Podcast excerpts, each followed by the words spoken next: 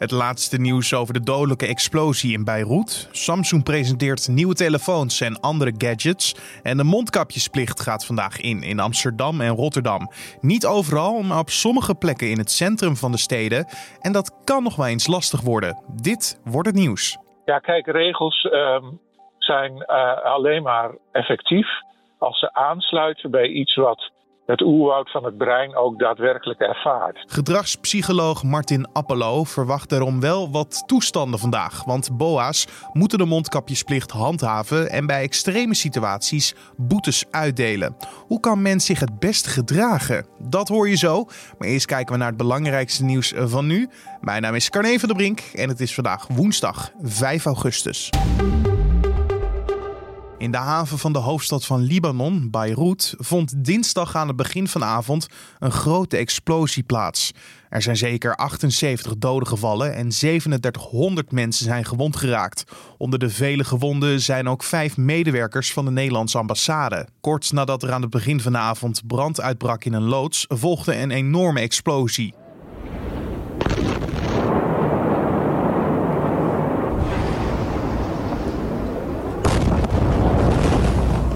Hoe omvangrijk is deze ramp en is er al bekend hoe dit zo heeft kunnen gebeuren?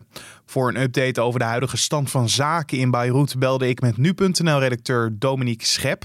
Hij heeft voor nu.nl de hele ramp gevolgd. Ja, uh, ja Carné, deze ramp is echt enorm voor Beirut en ook voor Libanon. Uh, de klap zelf was in vrijwel de hele stad uh, te voelen en daar wonen echt miljoenen mensen. En zelfs vanuit Cyprus kwamen volgens het Europees Seismologisch Instituut meldingen binnen. Ja, je moet je voorstellen, Cyprus ligt op ruim 180 kilometer van Beirut, ligt ook een zee tussen. dus dat is wel echt, echt enorm. En je moet je ook voorstellen dat niet alleen de, de explosie heel veel schade heeft aangericht aan, aan het land. Maar het land zelf is natuurlijk ook al uh, ja, vrij instabiel en uh, ja, kapot kun je eigenlijk bijna wel stellen. Het is politiek instabiel, economisch gaat het ontzettend slecht. Er zijn anderhalf miljoen Syrische vluchtelingen, wat voor heel veel spanning zorgt op een bevolking van 6 miljoen. Dus ja, deze explosie konden ze er eigenlijk niet, uh, niet bij, bij hebben nog. Ja, we hebben dan nu een soort eerste beeld van hoeveel doden en gewonden er zijn door deze ramp. Maar dat aantal kan nog flink oplopen, hè? Ja, klopt. Ja, het is eigenlijk de hele avond is het, uh, is het langzaam opgelopen. In het begin uh, spraken ze nog maar van gewonnen. Toen ging het naar 10. ja, dat zie je vaker bij dit soort rampen. Dan, dan gaat het in één keer naar 70 toe. maar goed, ze spraken van, van ruim 4000 gewonden. dus je kan er eigenlijk wel helaas van uitgaan dat het doodaantal nog ontzettend gaat oplopen. raakt ook heel veel mensen gewond doordat er glasscherven uh, uh, op hun lichaam kwamen doordat ramen uh, sneuvelden, huizen stortten in.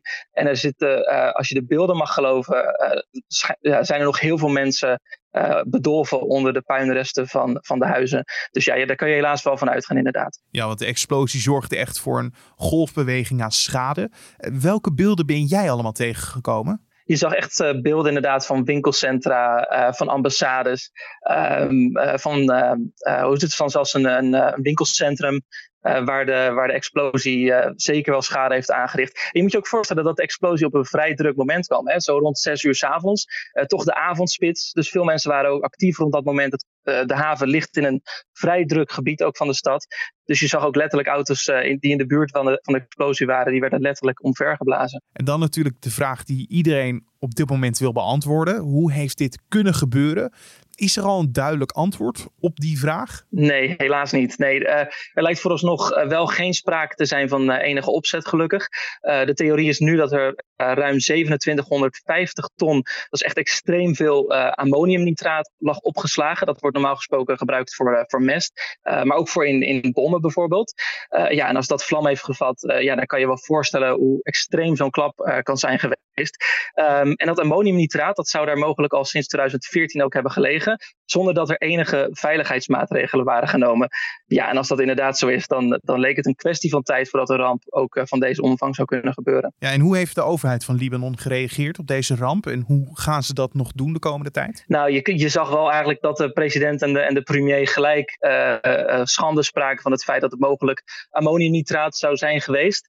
Um, de president Michel, sorry, um, president Michel Aoun, die noemden het meteen onacceptabel. En de Libanese premier die zei eigenlijk dat degenen die verantwoordelijk zijn voor het feit dat dat ammoniumnitraat daar lag, de prijs zullen betalen.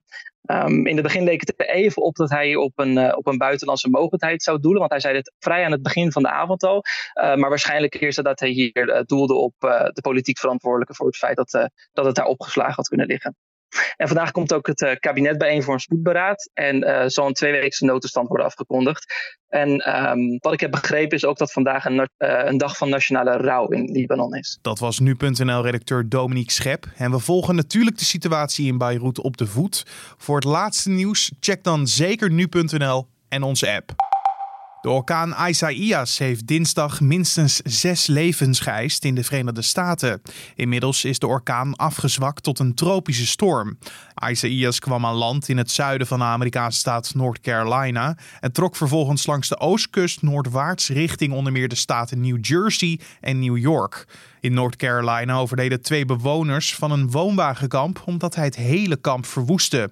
Dinsdagmiddag waren er volgens Roy Cooper, de gouverneur van North Carolina, nog 172.000 huizen in de staat zonder stroom. Bij een grote bosbrand in de buurt van de Zuid-Franse stad Marseille zijn dinsdagavond ongeveer 1200 mensen geëvacueerd. Onder de 1200 geëvacueerde mensen zijn veel toeristen die op veel verschillende campings verbleven. Het is niet bekend of er ook Nederlandse toeristen geëvacueerd zijn. De campinggasten zijn overgebracht naar stranden ten westen van Marseille. Ze zijn per boot en met bussen naar opvanglocaties gebracht, waar ze de nacht hebben doorgebracht. Voor zover bekend zijn er geen doden of gewonden. Meer dan 900 vrouwen en meisjes in Peru zijn sinds het begin van de coronapandemie vermist geraakt. Dat meldt een Peruaanse topfunctionaris die gespecialiseerd is in vrouwenrechten. De functionaris noemt de cijfers alarmerend en wil dat er een nationaal register voor vermiste personen wordt opgericht. Gevreesd wordt dat de vrouwen en meisjes het slachtoffer zijn geworden van sekshandel, huiselijk geweld of vrouwenmoord. In de maand juli zou het aantal vermissingen mogelijk zelfs zijn opgelopen tot 1200.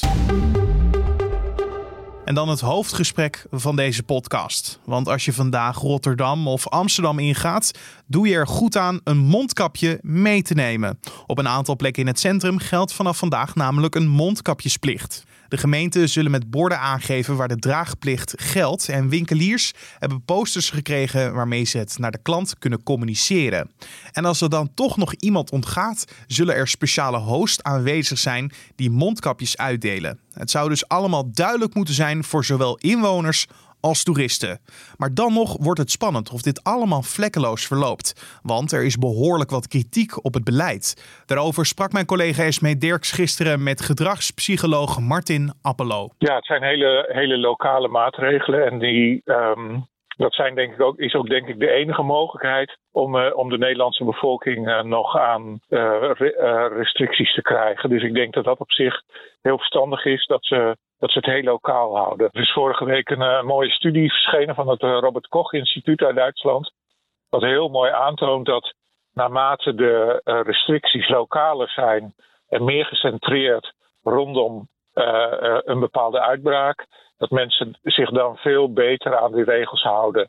Dus andersom, naarmate mensen minder urgentie en gevaar ervaren en het gebied groter wordt en mensen daardoor minder betrokken zijn bij de dreiging, houden ze zich veel minder aan de maatregelen. Oké, dus, um, dus we moeten die dreiging dan bijvoorbeeld op de Wallen of op de Nieuwe Dijk ineens heel erg gaan voelen. Um, en dan dragen we een mondkapje en dan is het opgelost.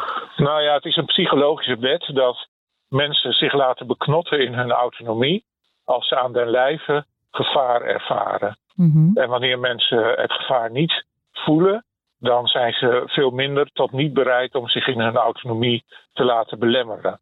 Uh, en beknotten.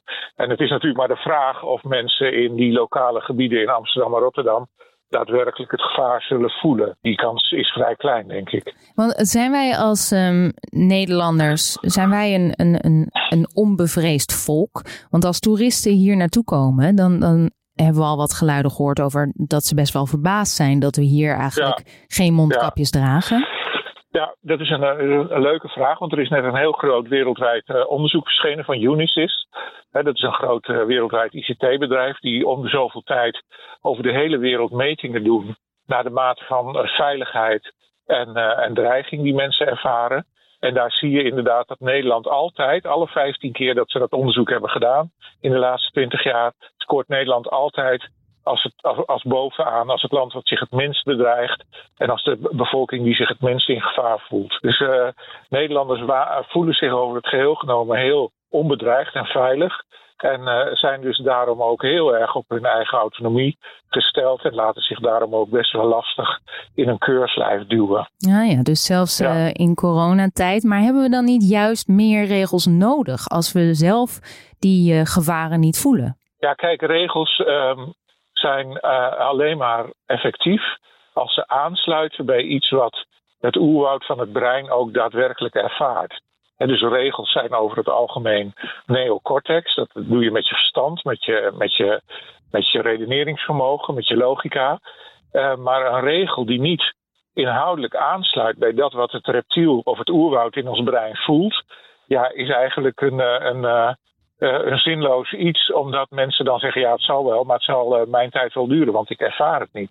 Dus een regel wordt pas effectief als die zeg maar aansluit bij het gevoel wat iemand in zijn oerwoud als het ware al heeft. En als we het nut ervan dus ook begrijpen. Ja, we zien dus overal hè, in Europa en, en bijvoorbeeld in België en uh, nu ook in Nederland, zien we dat mensen allemaal de regels onderschrijven, maar zich er vervolgens niet aan houden. En dus je ziet heel, een heel hoog percentage van mensen die zegt: Ik ben het eens met de regels die, de, die nu worden afgekondigd. Maar als je dan kijkt op straat hoeveel mensen zich eraan houden, ja, dan is dat, uh, is dat maar 10 tot 20 procent. Maar hoe zit dat dan? Ja. Omdat, omdat we verstandelijk zijn we het eens met die regels, maar in ons reptiele brein, in het oerwoud van ons brein, voelen we het gevaar niet.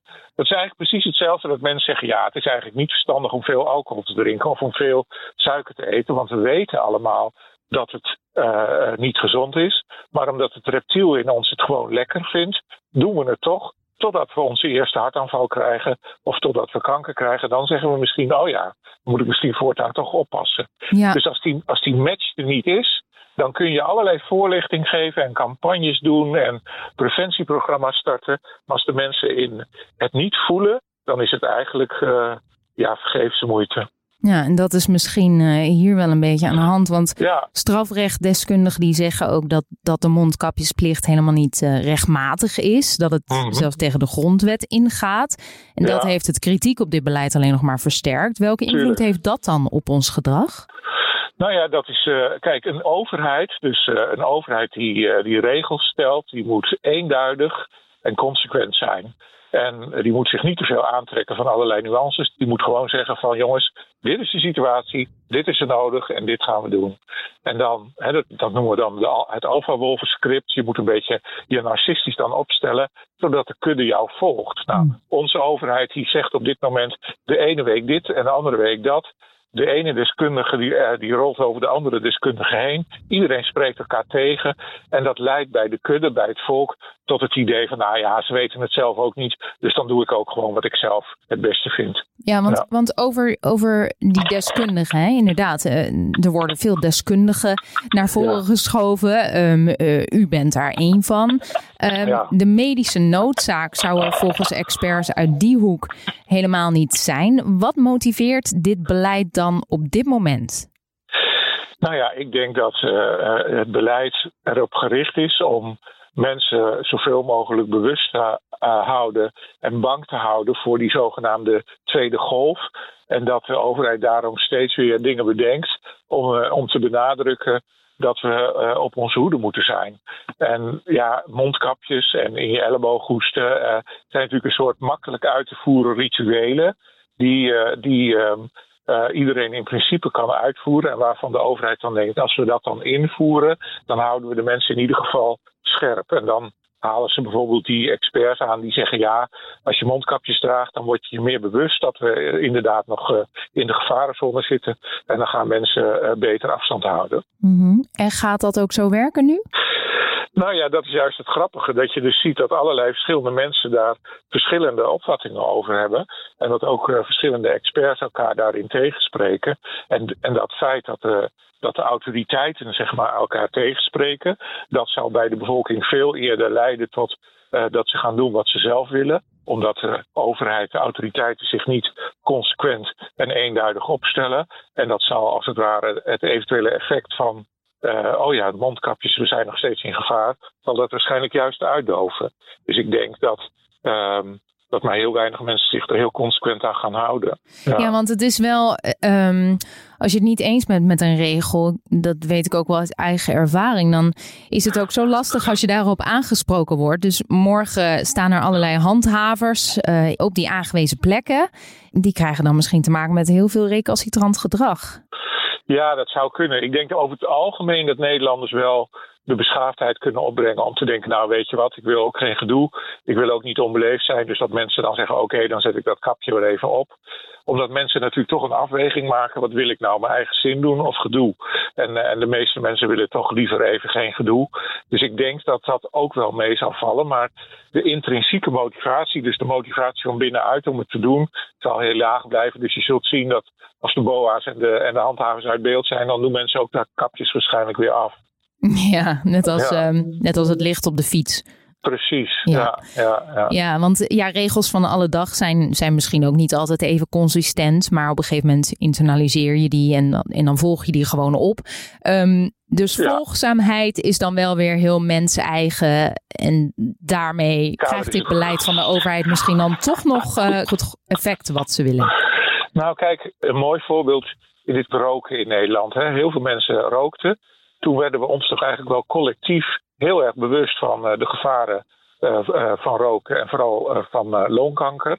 En dat ervaren van dat gevaar heeft er heel erg toe bijgedragen dat we op een gegeven moment een switch hebben gemaakt naar het afschaffen van roken in openbare gelegenheden.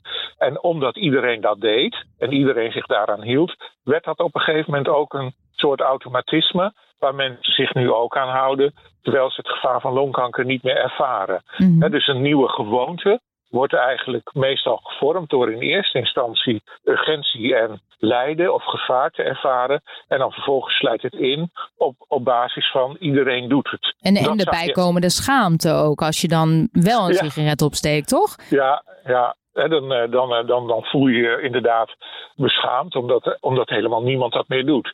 Dus als, uh, nu, nu merk je nog dat mensen die een mondkapje opzetten op straat, die, dat die zich een beetje schamen omdat bijna niemand het doet.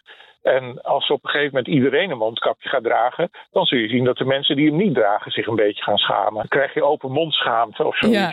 Ja, ja, ja. Nee, maar ik denk wel dat het zo is dat als mensen nou die urgentie ervaren en denken die mondkapjes zijn echt nodig, dan zullen we en masse die mondkapjes gaan opzetten. En dan is het na een paar maanden misschien ingesleten.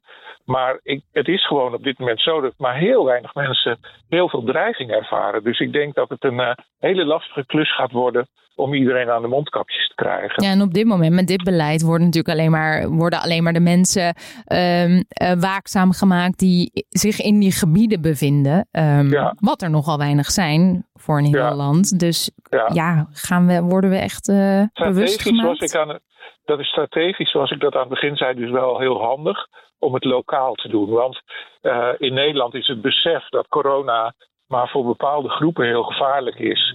En dat, uh, dat je het best kunt krijgen zonder dat je er last van hebt, is inmiddels zo doorgedrongen tot het, uh, tot het bewustzijn van mensen. dat we echt niet het hele land opnieuw in een lockdown krijgen. En dan wijs ik nog een keer op die resultaten van het Robert Koch Instituut.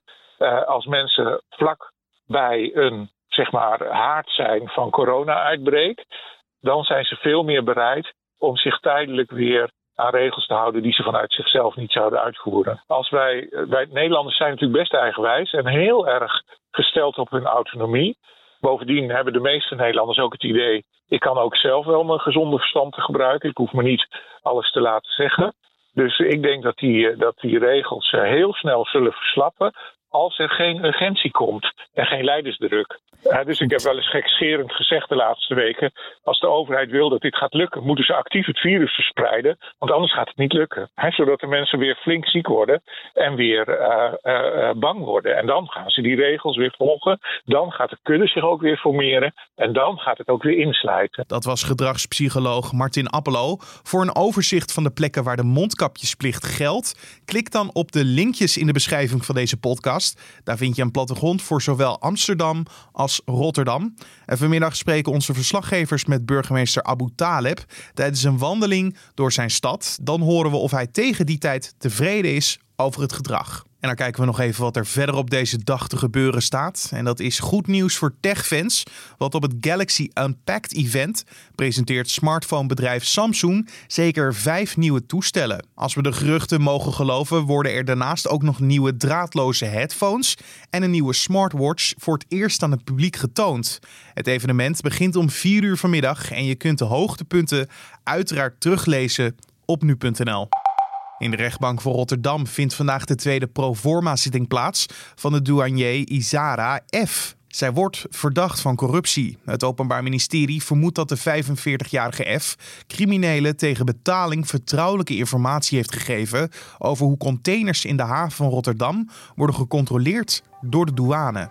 En dan het weer. Het is vandaag overdag droog en de zon schijnt. In het noordwesten zijn aan het begin van de dag nog wel wolkenvelden. Maar ook daar breekt de zon in de middag door. Op de Wadden wordt het maximaal 23 graden. In het zuidoosten wordt het maximaal 29 graden. En er staat een matige zuiden tot zuidwestenwind. Aan zee en op het IJsselmeer is de wind wel soms vrij krachtig. En dan zijn we aan het einde gekomen van deze podcast voor de woensdag 5 augustus.